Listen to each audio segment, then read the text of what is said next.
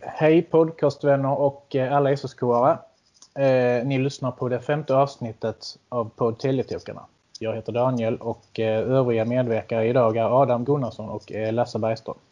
Hallå boys, hur är läget? Alla tiders. Det känns som man har fått ett heltidsjobb, ett extra heltidsjobb här.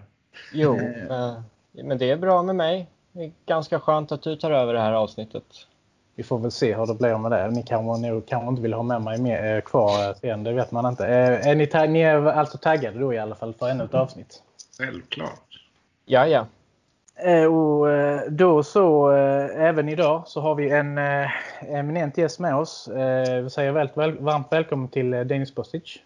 Tack så jättemycket. Kul att få vara med.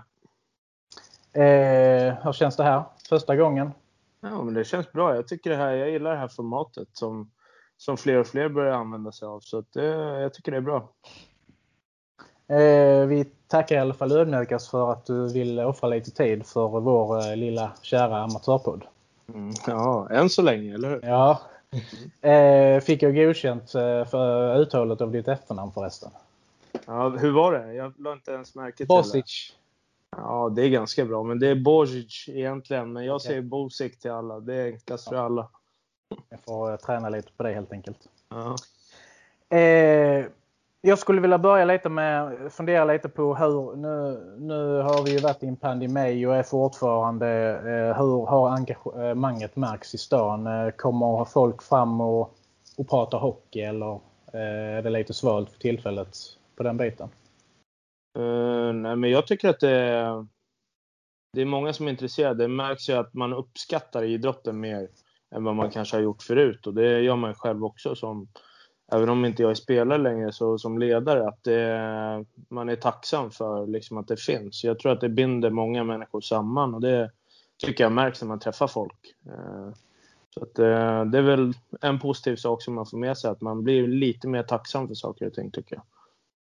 Eh, jag hade en fråga om hur skulle du beskriva en typisk dag som hockeytränare? Sen förstår jag att det är lite skillnad på matchdag och träningsdag och sen nu när det är mest i fys i sommar. Men du får väl välja en dag du tycker känns mest typisk. Eh, nej men sommartid så ska jag väl säga, då är det väl ofta att man kommer in, man pratar med killarna och sen har man lite uppgifter och det kan vara möten och, och lite sånt. Och man pillar med mycket klipp och video. Eh, och ganska mycket nätverkande faktiskt, mycket samtal sådär. Eh, vintertid däremot så, jag brukar komma in sju, halv åtta. Killarna har samling runt nio. Eh, man förbereder om det ska vara video. Eh, och ofta ser en dag ut så att vi har video, fys och sen is. Och sen avslutar vi ledare ofta med en, med en lunch eller om man har något möte på eftermiddagen. Och sen hörs man väl kanske två gånger till som ledare på eftermiddagen angående dagen efter om man inte redan har gjort klart den. Och, eh, och sådär. Så att, eh, det är väl så det ser ut. Ibland åker man ner på eftermiddagen och kollar på J20, pratar med de ledarna Ser till att försöka träffa dem i alla fall ett par gånger i veckan så att man har lite dialog. Så det är väl en snabb överblick över en dag skulle jag säga. Eh, du får ju en, en ny kompis nu som tränarkompis och eh, har ni kommit igång med snacket hur ni vill genomföra säsongen? Jo, men det har vi. Eh, mycket lära känna varandra. Eh, vi känner inte varandra sedan innan. Eh, men eh, vi, vi, jag känner att vi har lärt känna varandra ganska bra redan nu. Eh, spenderar mycket tid ihop och vi har lite korrigeringar som vi vill göra eh, i spelet utifrån den truppen vi har nu. Så att det känns väldigt bra, kort sagt. Känner du Jörgen sedan tidigare eller är det en ny, en ny bekantskap? Det är en ny bekantskap. eh, Så mycket handlar ju om att lära känna varandra nu. Han och jag, att vi pratar samma språk när vi pratar ishockey och det är ju termer liksom. Eh, Det kommer vara viktigt för spelarna. Vem skulle du säga att Dennis Bosic är när han inte iträder sig i rollen som huvudcoach? Eh, Vad brukar du göra för att koppla av lite? Nej, men jag, jag gillar att fiska. Jag gillar naturen. Men jag gillar också Södertälje stad. Jag är ofta nere och tar en kaffe eh, när liksom tiderna tillåter och gillar puls. Eh, Får se mycket folk och sådär. Så att, eh, ganska klassiskt. Jag gillar att umgås med nära och kära, ska jag säga. Då fortsätter jag med. Hur går träningen med gruppen nu? Går allt in i plan? Ser det bra ut? Ja, men det tycker jag. Det är inte, alla är inte på plats som det ser ut. För att vissa har ju åtta eller tio månaders kontrakt. Eh, men de som är där får ju väldigt mycket uppmärksamhet av framförallt Grossman. Sen har vi lite in, inslag av boxning eh, uppe i Stockholm och sådär för att bryta av. Men jag tycker framförallt så är de ju hela killarna. Eh, och jag tycker att de utvecklas av det man ser resultatmässigt. Så det känns, känns jättebra tycker jag. De som är här har vi bra koll på. Alltså SSK, det vi kommer få se nu kommer ju vara ett helt annat lag än, än föregående upplaga. Det är ett större lag, starkare lag, så uppfattar jag det i alla fall. Eh, kommer, det, kommer er spelstil förändras nu eller? Det kommer bli lite annorlunda. Eh, det kommer bli kanske framförallt eh, från mittzon och hemåt skulle jag säga. Eh, att vi kommer vara mycket, mycket mer, vi kommer behöva vara mer noggranna med insidan av, av planen. Eh, där kanske vi har en större grupp som kan vinna mer insida över isen, men att vi utgår inifrån och ut så att säga. Eh, för att förklara det så enkelt som möjligt. Men det kommer bli lite mer. Förra året började vi ju spela en överbelastning för att sedan gå vidare till lager där man kanske bryr sig mer om insidan i egen zonen och överbelasta och gå ut med massor med folk. Så det kommer vi fortsätta med att vara lite mer inifrån och ut, ska jag säga. Och det kommer vi behöva göra. Ja, men jag tänkte fråga eh, de nya karaktärerna. Eller vad skulle du säga att det är för nya karaktärer som har kommit in i truppen? Nej, men jag tycker väl att vi har en blandning av karaktärer. Eh, nu efter att Tobias och, och Colin kom in.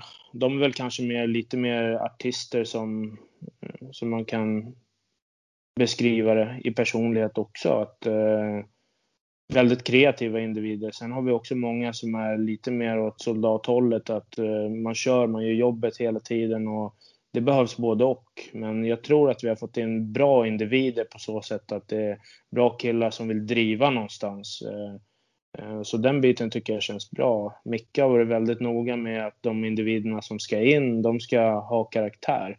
Eh, och vad menas med det? Jo, det är att man faktiskt köper in på det som, som laget vill och att man arbetar hårt för över tid. Så att eh, kan man ha så många som möjligt i den kategorin så, så kan man bli ett väldigt bra lag och dra tillsammans. Så det, det är väl det Micke försöker skapa och vi också. Så att det känns bra. Finns det redan nu en tanke från er på hur ni ska lägga, för formera laget med formationer och backpar och så vidare med tanke på att ni vet att det tillkommer fler spelare och att vilka en del av de spelarna förmodligen är? Ja, vi har en tanke, absolut. Och sen har vi också vissa delar av laget där det kommer bli hög konkurrens. Eh, och det är kanske inte från fjärde kedja till första kedja, utan tredje, fjärde är det inte helt satt vilka som kommer vara i de respektive. Samma sak första och andra, utan vi vill ha en konkurrens mellan de spelartyperna eh, som är lika. Och det hoppas jag att vi kan få, för vi kommer behöva utvecklas som lag om vi ska nå den målsättningen som vi, vi vill. Uh, jag tänkte lite, eftersom du är backcoach, vad tycker du ni behöver bli bättre på, på backsidan?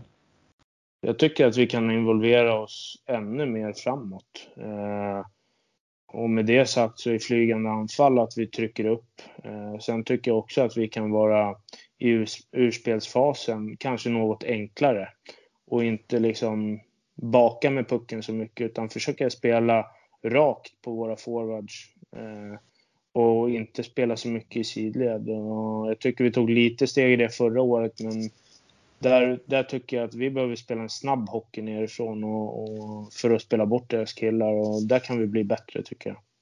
En del supportrar har efterfrågat en mer spelskicklig backsida. Hur låter din analys där? Är det, har du samma idé som supportrarna? Ja, det som är att vi söker en, en back som ska vara i topp, toppskiktet som saknas. Och, jag tycker också att man behöver kunna flytta pucken väldigt bra. Eh, vissa av våra backar behöver utvecklas i det.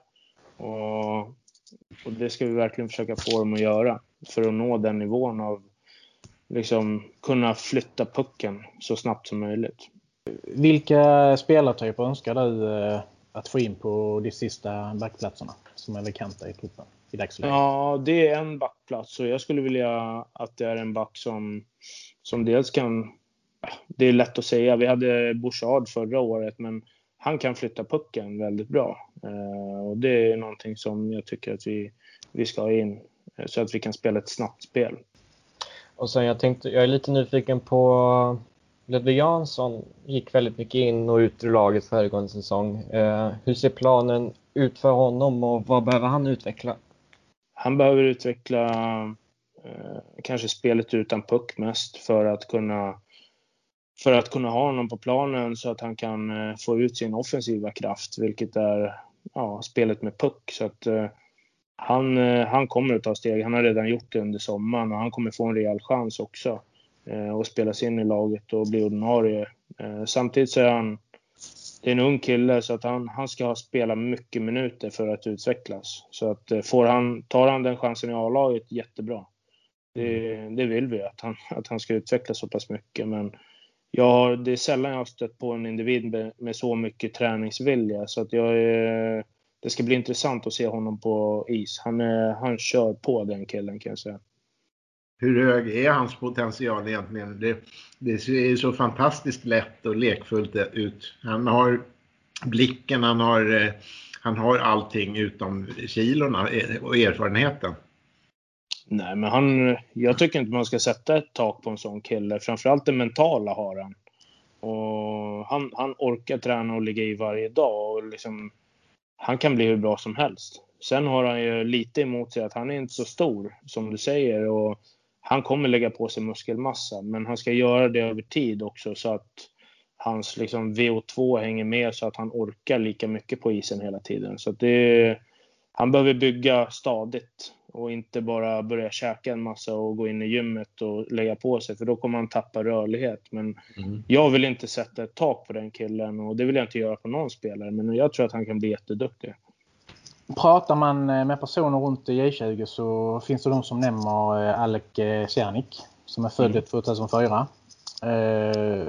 Att han ska, är en spelare som också kan nå en hög nivå. Han gjorde ju då sin debut mot Kristianstad i fjol. Eh, vad kan du, du säga om, om honom och finns det någon plan även där?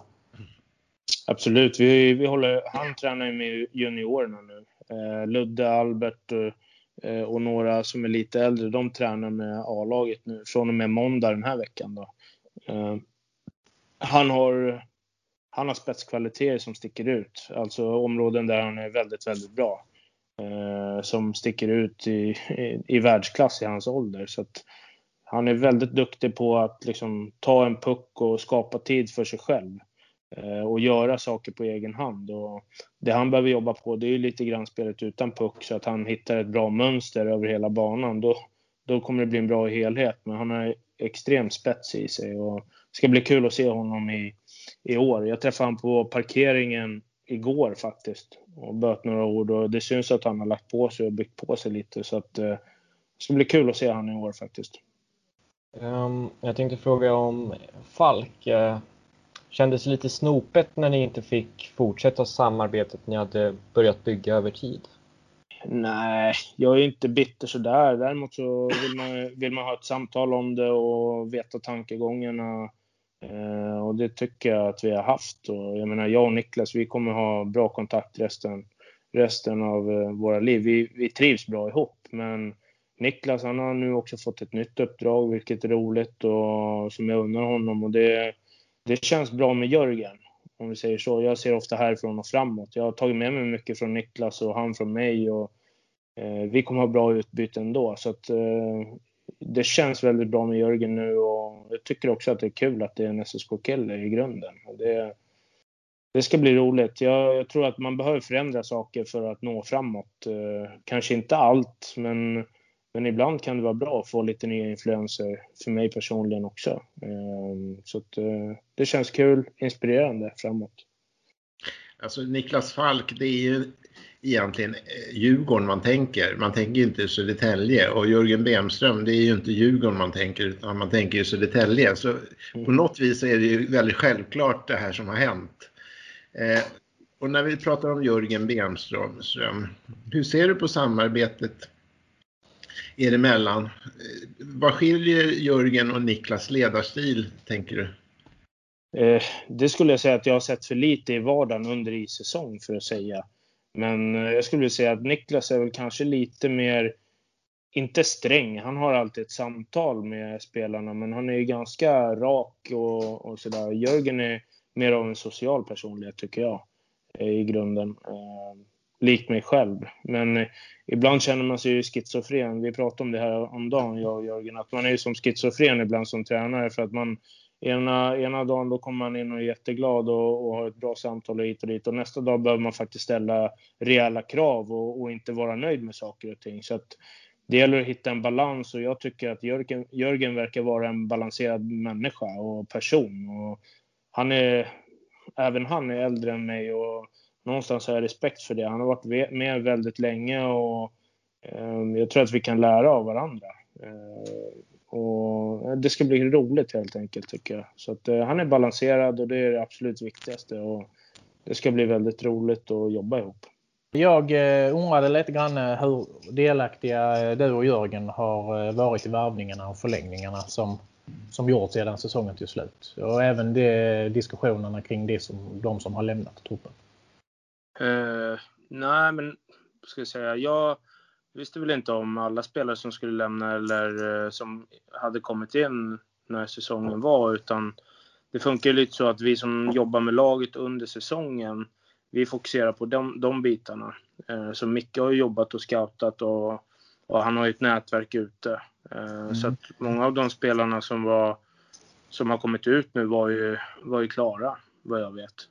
Ehm, så att inte, inte super eh, involverad ska jag säga. På backsidan har det inte hänt jättemycket heller egentligen, utan det är välkända ansikten.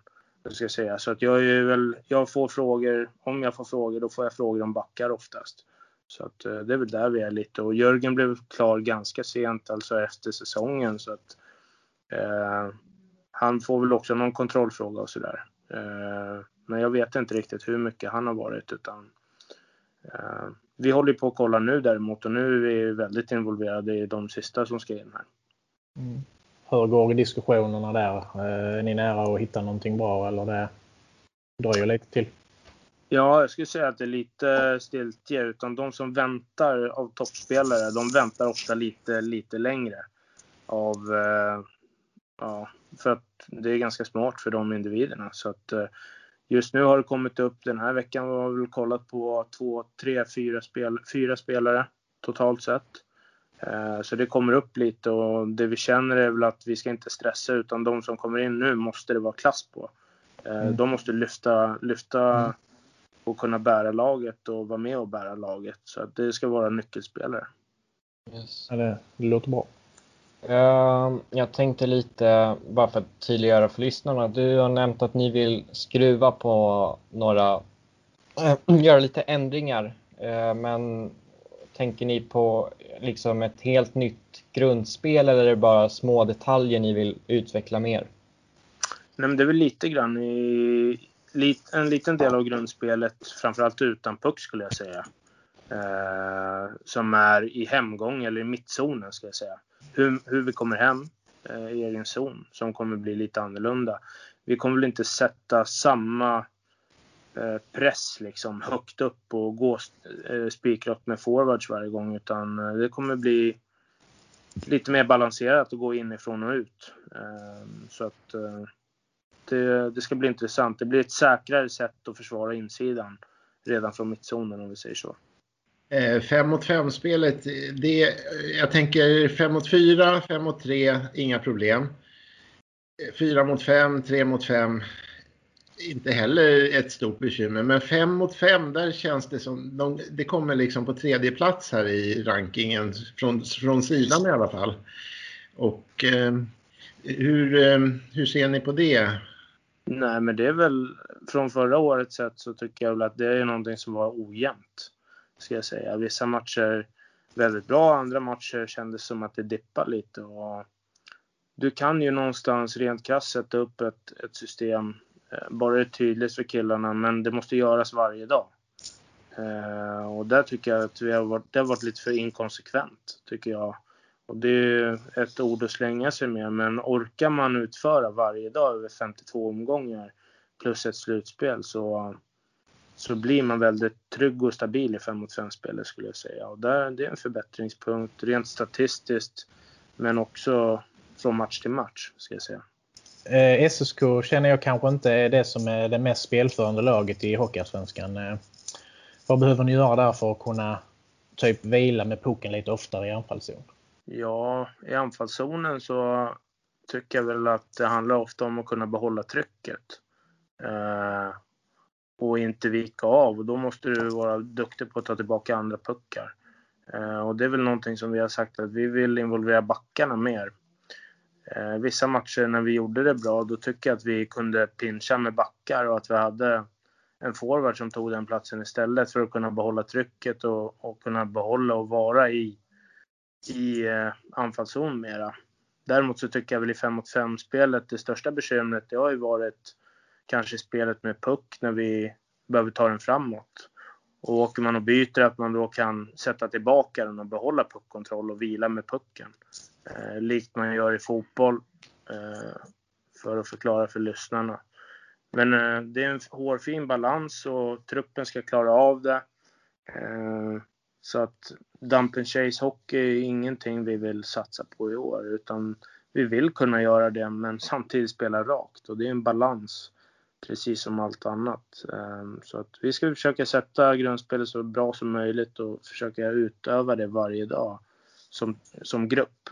Eh, kommer matchcoachningen se annorlunda ut eller är det fortfarande du har ansvar för backarna och penalty kill? Eh, den kommer se likadan ut. Sen vad gäller special teams så är det ju, ligger det lite utanför coachingen om man ska säga. Det är ofta bestämt innan. Eh, så att det är ju någonting man gör tillsammans, både offensivt och defensivt. Eh, rent coachingmässigt. Så um, där har inte vi pratat om om jag ska stoppa in forwards på penalty kill eh, där gör ju alla lite olika, men troligtvis så coachar jag bara backarna rakt av och, och Jörgen forwards rakt av så att det blir tydligt. Det skulle jag tippa på. Kommer alla få spela sig in i laget eller kommer det redan tidigt var, var klart att någon får eh, bli utlånad exempelvis? Alla kommer få chansen eh, på försäsongen i någon mån, precis som det har varit tidigare år. Det tycker vi väl att om man liksom propsar och har samtal om att eh, spelarna ska utvecklas på sommaren, då ska de också få chansen att visa upp det. Plus att det är en viss konkurrens i det. Så det är väl så vi eh, resonerar kring det. Tycker framförallt våra unga killar ska få chansen, annars är det lönlöst liksom. Vi kommer ha nio inbokade försäsongsmatcher till att börja med och där finns det utrymme samtidigt som de mer rutinerade killarna vissa av dem kanske inte behöver spela alla nio. Så det är väl lite så vi resonerar. Mm. Alla lag är ju eh, känsliga för skador eller råkar ut för skador på, på en säsong. Eh, jag tänker lite grann eh, Någonstans har jag hört eh, Samuelsson eh, uttala sig om att man ska starta säsongen med 12 forwards. Riktigt vad han menar med det, det vet jag inte men är inte det där lite vanskligt liksom? Eh, om man råkar ut för skador eller ni, ni känner att ni har bra tilltro till junior, juniorverksamheten så att ni kan eh, fylla på med spelare därifrån om det skulle behövas? Ja, vi känner väl att vi har, vi har eh, ganska bra pinpointat neråt om det behövs, känner vi. Att vi vet ungefär vad vi har för roller nerifrån som kan fylla uppåt. Men vi kommer ju starta med fler än 12 forwards. Eh, det, det är jag ganska säker på. I, i grundtruppen eller man ska säga. Så att, mm. Det ser väl inte jag som något bekymmer. Men rent generellt, det kommer komma skador. Så enkelt är det eh, Spelar man så nära 100% som vi vill göra, då kommer det skador. Det, man hamnar fel i närkamper och så vidare. Och vi kommer också ha en väldigt tuff training camp. Så att det kommer vara överbelastning. Vi kommer behöva ligga på gränsen där för att vara med och tävla med, mot de andra lagen i serien. Så att eh, det kommer bli skador som sagt. Men är det inte ris- lika stor risk för skador om man inte går in 100 alltså i matcher och träningar och sånt? Eh, Det är, också, det är också ett sätt att skadas på om man inte går in 100. Men ligger du på max hela tiden och spelar 52 omgångar så du, du kommer få...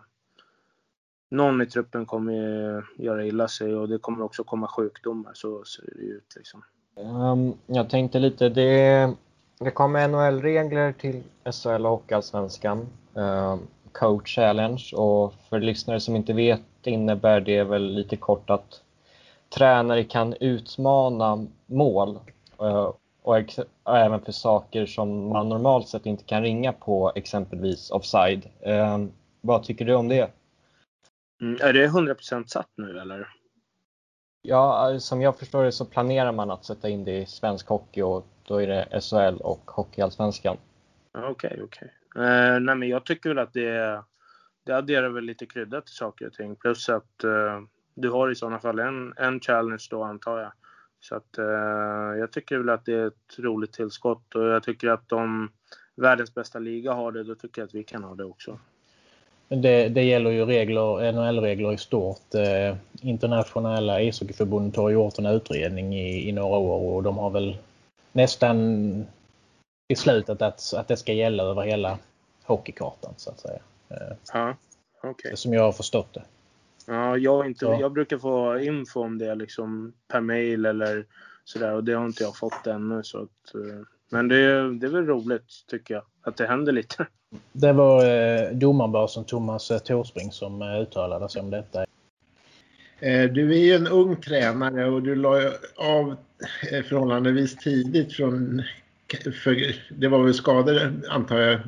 Men det, vi skulle vilja höra om det, om det var möjligt. Det kanske finns några anekdoter från din spelarkarriär som du kan dela med dig av? Vad tänker du på då? Ge mig ett eh, exempel vad det skulle Ja, kunna... att eh, man häller eh, senap i, i, i kall- kallingarna på kompisen eller ja, vad som helst. Ja, det, ja, men det finns... Ja, jag vet inte. Det är väl... När jag var ung i Lin, och kom upp i, i Linköping som junior, då hade jag gula skridskosnören. Så eh, det var extra bra vax i dem. Men det var ingen annan som hade det och varje morgon jag kom till hallen då var de sönderklippta. Det tyckte jag var lite roligt faktiskt. Och sen förstod jag ju efter några gånger att ja, jag kanske ska ha vita som alla andra här. Så att, eh, det var en liten rolig grej. Sen var det en kille när jag var i Österrike. Han var väl inte så omtyckt i truppen. Jag vet inte vem det var, men man tejpade ihop hans hockeyutrustning i duschen någon gång där och det var väl lite skoj i det också, men ja, det händer saker i, i hockeyvärlden. Det händer saker här också. Det har faktiskt hänt att jag har prankat killarna här ett par år sedan är det väl kanske. Det brukar bli något glas vatten ovanför någon, under någon hjälm där och sådär. Så det, man ska ha roligt i, i omklädningsrummet också tycker jag. Det Det kan, det kan inte vara lätt för killarna att ha dig och Bergvik i samma omklädningsrum.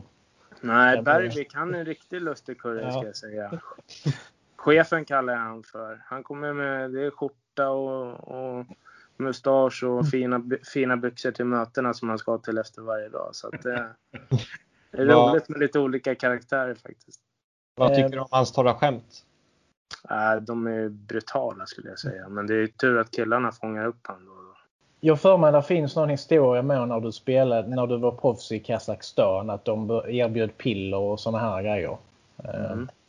Ja, det var en det var en väldigt speciell miljö där ska jag säga. Jag, jag frågade vad det var för det var som ett stort pillerfat liksom i omklädningsrummet. Och som svensk så är man ju väldigt informerad och vad det har för konsekvenser på din kropp över tid och sådär. Och, och ren, tävla rent och, och det är väldigt stort här i Sverige och det är någonting man är stolt över upplever jag. Men då frågade jag och då sa de bara att Well, this one you'll get very strong. This one you'll never get tired, and this one only vitamins. You should take one of each every day, sa de. Och det sa jag, nej men det är bra liksom. Det, det räcker så. Men det, det är en annan värld och en annan del av världen framförallt liksom. Där det, saker och ting fungerar annorlunda. Det, jag vet inte om informationen, utbildningen är inte på samma nivå. Eh, och det kanske ger kortsiktiga resultat och det är mycket kanske det man bryr sig om på sådana ställen. Och det, det kände jag liksom att det är en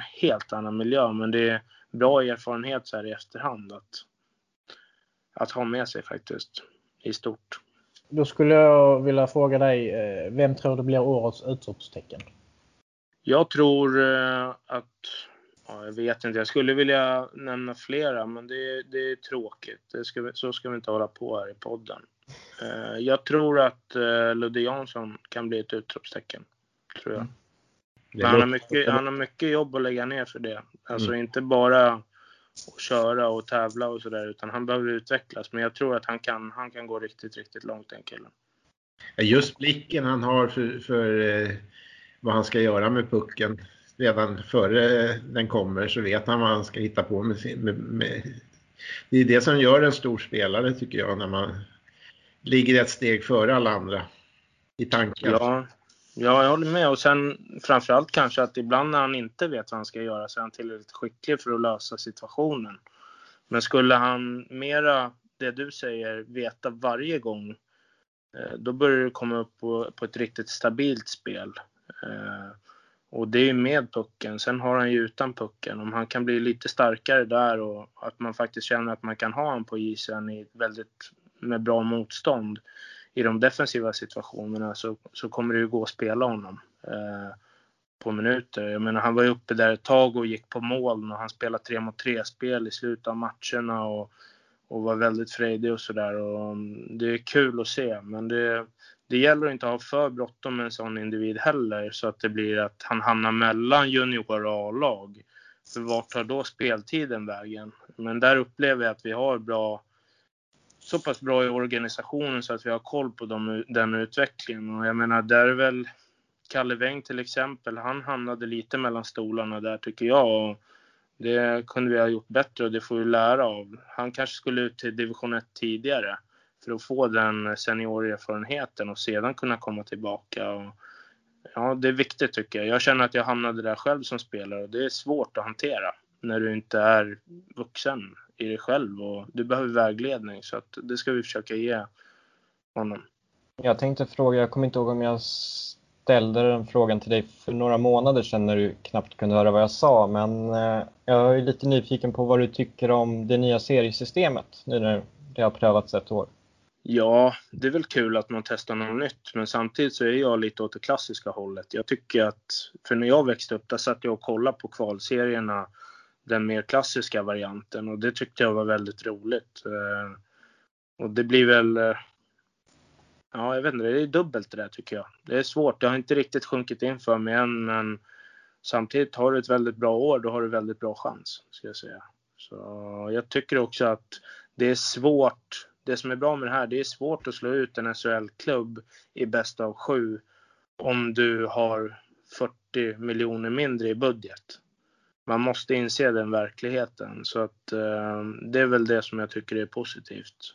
Negativt är väl att det är så pass stor, stor skillnad mellan pengarna mellan eh, allsvenskan och SHL tycker jag. För att det, det gör ju glappet större. Men nu ges det ju en chans. Uh, och sen tänkte jag fråga, finns det någon klar och tydlig målsättning kommande säsong? Inte rent utstakad. Det ska, vi ska väl ha några möten, men vi ska väl eh, vara ett gå till slutspel vad jag har förstått det. Och jag, vet inte, jag, jag känner att jag vill ha höga ambitioner med truppen och att vi ska tro och mitt och Jörgens mål framför allt är att vi ska utveckla laget hela året. Eh, det är någonstans där man hamnar som tränare. Jag vet att vissa andra allsvenska lag har gått ut och sagt att nej men vi ska upp till SHL inom två år och det vill jag också. Jag vill upp i år. Eh, och Jörgen också och alla i organisationen. Men det ska också vara rimligt och när man ser till, till budget. Eh, men vi, jag och Jörgen har pratat om det här ganska mycket nu att vi kommer få jobba stenhårt med den här truppen. Den behöver utvecklas om vi ska ha bra resultat. Eh, och så är det ju för många lag, men, men vi känner verkligen det och, och det ska bli en rolig uppgift att ta sig an. Kommer ni behålla lagkapten eller är det någon ny diskussion på den punkten? den, den, diskussionen kommer definitivt komma upp, komma upp igen. Eh, och det är ett nytt år, det är nya förutsättningar, många nya individer som kommer in. Eh, så den, den bollen har vi inte bestämt än. Hur ser det ut där med Fonsevers? Han hade ju lite problem med ryggen eh, förra säsongen. Eh, har det rättat till sig nu eller? Det är rehabilitering fortfarande som gäller där? Ja, vad ska, vad ska man säga? Anpassad träning. Det är många spelare som har anpassad träning. Jag upplever eh, av de samtalen och den infon jag har fått att det är bättre kontroll på den. Han, han springer på sommarfysen bland annat. Sen har han vissa, precis som många andra spelare. Vi har ju Adam Isik från Ronna Rehab som han, eh, han jobbar individuellt med vissa spelare på tisdagar. Eh, där de får köra väldigt tuff träning men med väldigt bra verktyg. Eh, så att det inte belastar vissa delar av, av kroppen som inte ska. Så att man får ja, på så sätt rehabilitera men ändå träna hårt under sommaren. Eh, så att det känns som att eh, det är bra kontroll nu. Förra året kom han mer in till isen och då är det svårt att hålla koll på en spelare rent fysiskt. Eh, den här första matchen av de 52 är ju mot Björklöven och det finns ju SSK i Björklöven. Ingen vill ju se att Bengtsson gör hattrick i den matchen. Även om man unnar honom allt gott. Mm. Ja, det jag, jag unnar inte honom allt gott när han spelar mot oss. Nej.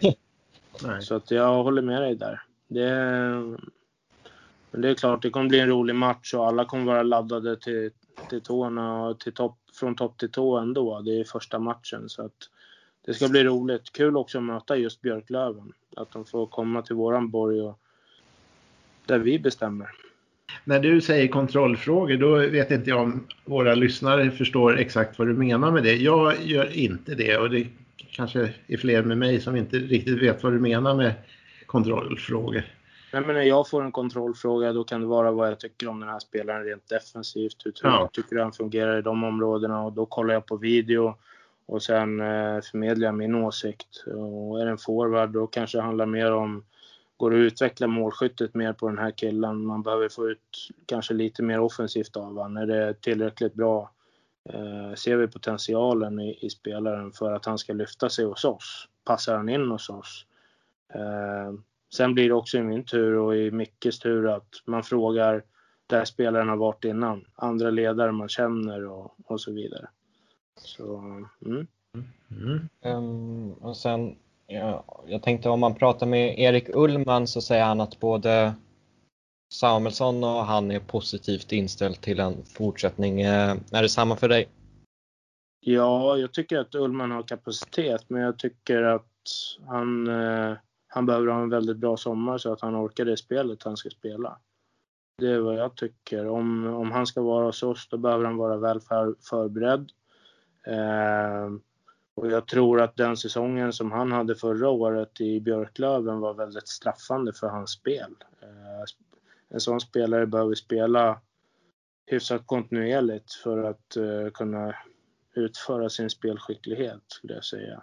Ehm, så att han hade en tuff säsong förra året innan han kom till oss eh, uh, framför allt och det gick väl inte spikrakt hos oss heller utan det finns mer att ta av där om det skulle vara så att han hamnar här så ja, det är en spelare med potential tycker jag. Precis som eh, många andra. Jag vet ju att eh, Viktor Backman har varit uppe som eh, i, i rullarna precis som Anderberg och det finns potential i spelarna. Eh, och sen är det upp till Micke om han känner att det är värt att satsa på eller inte. Yes. Du sa innan att eh, det var en back till ni skulle ha in i truppen. Vad har ni, är det åtta backar ni, ni vill ha, ha med från början av säsongen eller hur, hur tänker ja. ni antalet där? Fyra, fyra backpar? Ja, nu finns det väl kanske något namn som börjar, börjar närma sig. Så att det är, från den, den listan jag har i mitt huvud så är det en, en till två backar eh, som behöver in. Eh, exakt mm. hur många, det får vi se och även att juniorer underifrån kommer ju vara med och spela också. Så att mm. eh, vi kommer ju spela på inte mer än sju backar på försäsongen rent på matcher, träningsmatcher. Okay. Okay. Eh, sen den totala numerären som är just nu kan jag inte släppa, men jag tror att vi kommer vara, jag tror att vi kommer vara sju, 67 eh, liksom seniorspelare när det drar igång.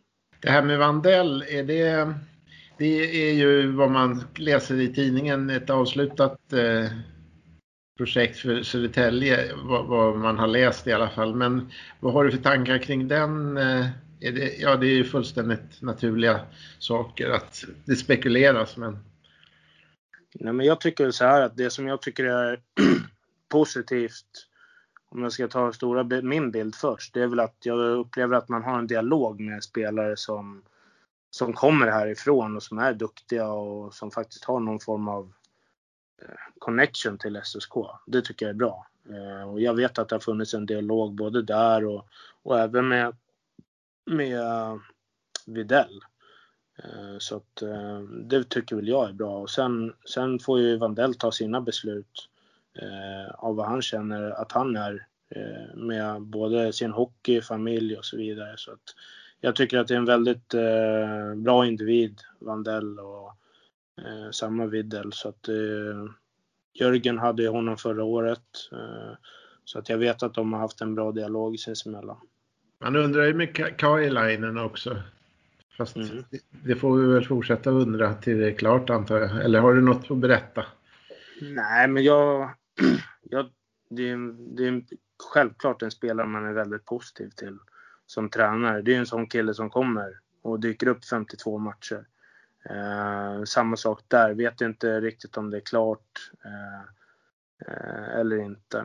Så, mm. Ja, eh, eh, det var väl kanske vad vi hade. Har ni någonting mer att tillägga och fråga Dennis?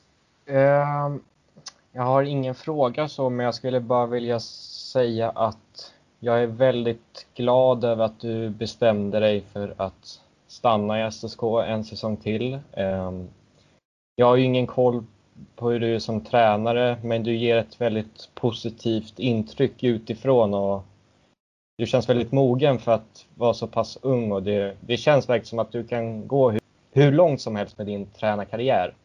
Så nej, jag tycker det är skitkul att du är kvar och jag vill bara säga att eh, du har våra supportrars fulla stöd och vi önskar dig och laget lycka till kommande säsong.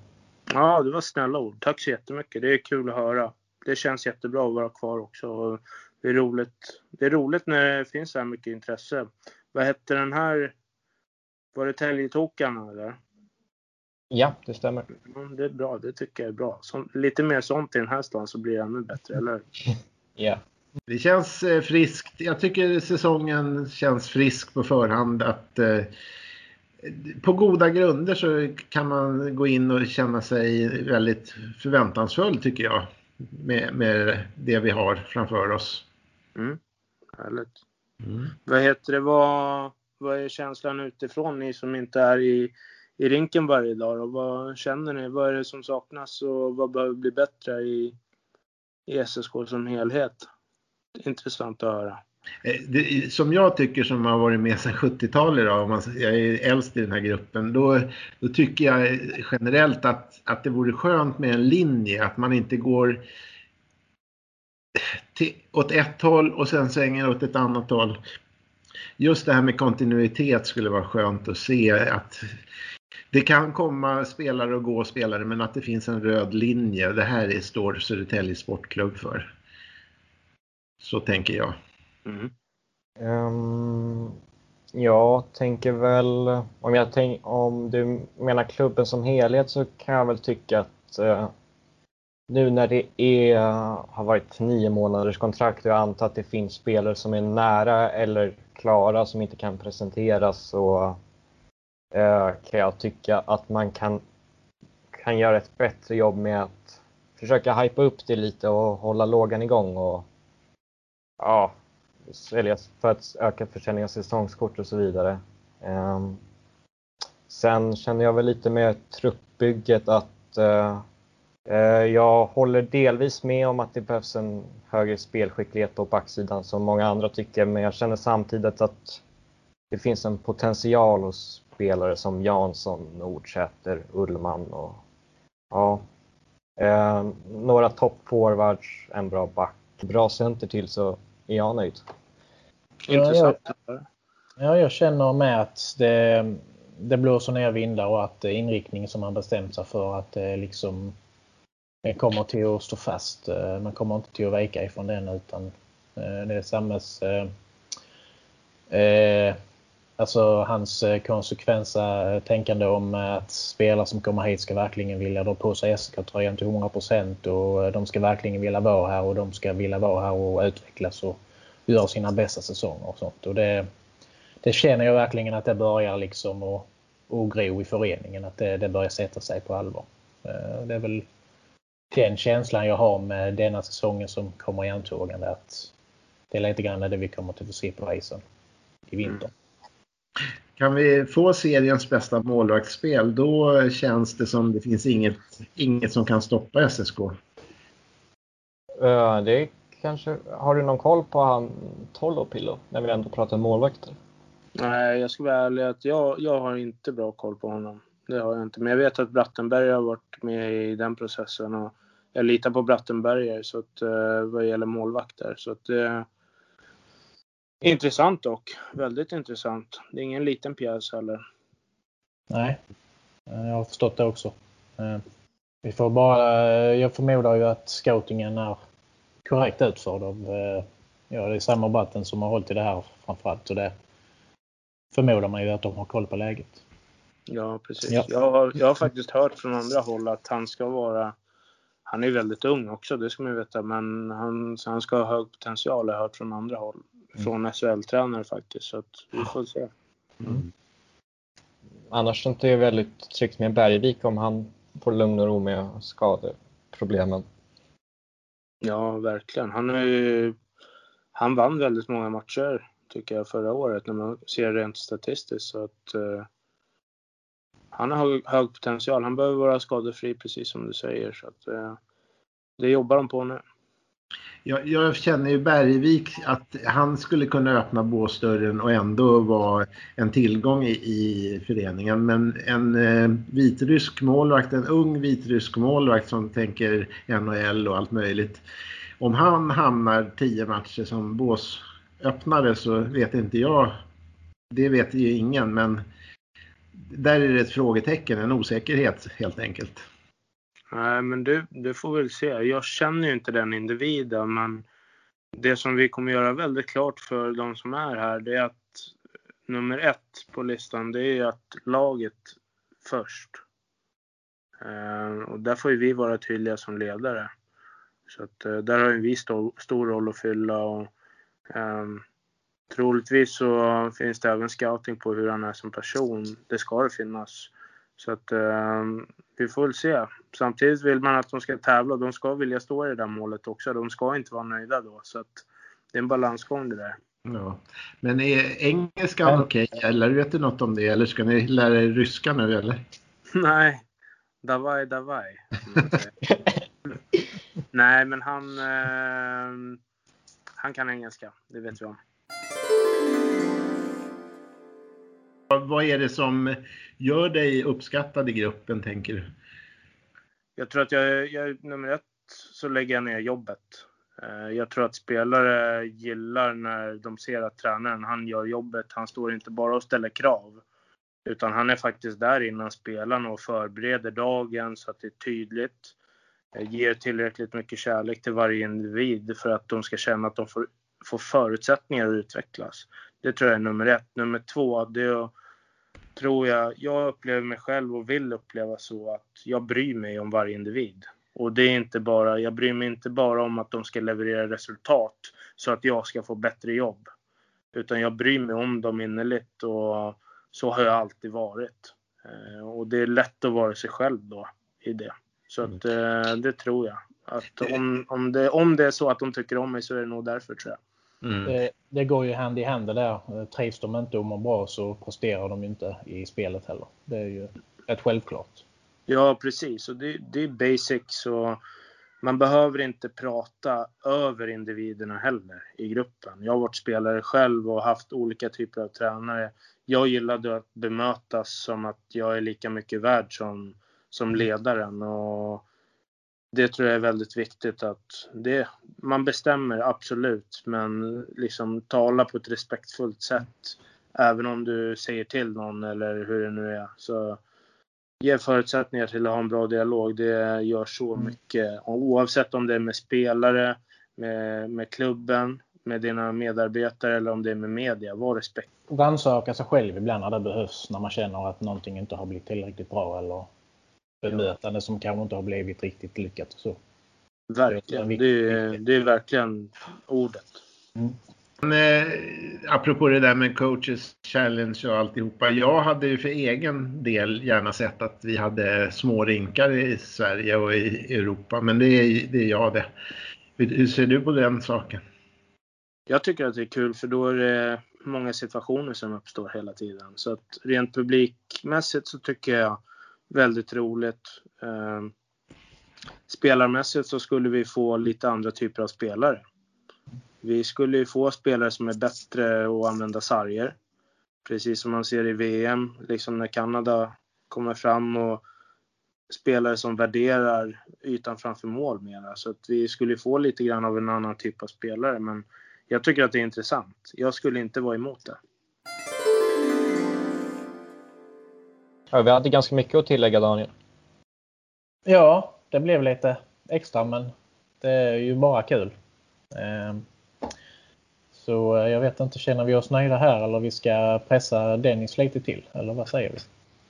Har vi glömt någon fråga, Dennis Bozic?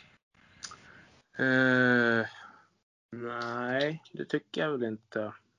Uh, tycker att det är hyfsat täckt. Men det är väl lite som ni, som ni har varit inne på. Ni vill ju ha så mycket info som möjligt om spelare som, som är på väg in och, och sådär. Och det förstår jag. Det, det är kul att, att, veta och det blir ofta lite rulle av det i, i medier och sådär. Så att uh, jag har väl förståelse för det uh, kan jag tycka. Fans och supportrar finner ju stort intresse av att få, få reda på sånt också. ja, så. men så är det ju verkligen. Och, nej, men det känns väl bra. Men hur, hur uh, jag tycker det känns jättekul. Kul. Tack för att jag fick vara med. Eh, då så Dennis, så tackar vi än en gång väldigt ödmjukt för att du ville gästa oss i vår podd. Eh, och eh, ser fram emot att du kanske vill vara med fler gånger längre fram. Absolut. Tack så jättemycket. Bra, bra jobbat. Tack detsamma. Då så eh, ska vi eh, gå vidare. Har vi någonting som vi ska prata om och diskutera om. Eller det känns väl inte som att det finns så mycket nöjesvärde just idag och ta upp, tänker jag. Mm, nej, ja. inte när det spelas in i alla fall. Men ja, väldigt bra intryck av Dennis. Han är rak och ärlig och tycker jättebra intryck av honom. Mm. Absolut. Och det har jag väl alltid så tyckt innan också. Uh, ta sig tid att svara på och, och, och, förklara och informera liksom om det som han kan. Eh, mycket bra intryck. Vad säger ni boys? Eh, är ni sugna på ett quiz som avslutning? Inte jag, men jag är med ändå. Eller vill du... Det är så det är tänkt så att ni ska, ni ska vinna över mig. Nej, jag tror jag har lite lättare frågor än vad Adam han har kommit med de övriga två gångerna faktiskt. Ja. Det, det, känns som det är nu jag du tar ut din hämnd. Nej, jag, jag tror inte du behöver oroa dig Adam faktiskt. Men eh, vi kör så får vi se helt enkelt. Hur många ja. frågor handlar det om? Fem. Mm. Jag ska plocka fram dem här måste. Litar ni på mig om jag skriver på telefonen? Ja, vi litar alltid på dig Adam. Ja, det gör vi alltid. Ja. Det är en huvudregel som mm. vi har. Ska vi köra igång? Mm. Är ni redo? Mm. Då kommer första frågan här. Eh, Robban Karlsson är ju den som har flest matcher i SSK, närmare bestämt 884 stycken. Eh, den spelare som gjort näst flest matcher hade rekordet med 786 matcher innan Robban slog det rekordet. Vilken är spelaren? Mm, nästa fråga. 1925 tog SSK sitt första SM-guld och 1985 bärgades den sjunde och senaste titeln. Men vilka år bärgades de övriga fem? Wow. Ja, det var tufft. Mm, jag får chansa. Mm. Eh, det blir ju då fem, fem poäng på den frågan man kan kamma hem. Eh, fråga tre. 1972 sattes Scania-rinkens nuvarande publikrekord på hela 11 079 åskådare. Matchen spelades i SM-slutspelet, men vilka var motståndarna? Är ni klara med era svar? Mm. Ja.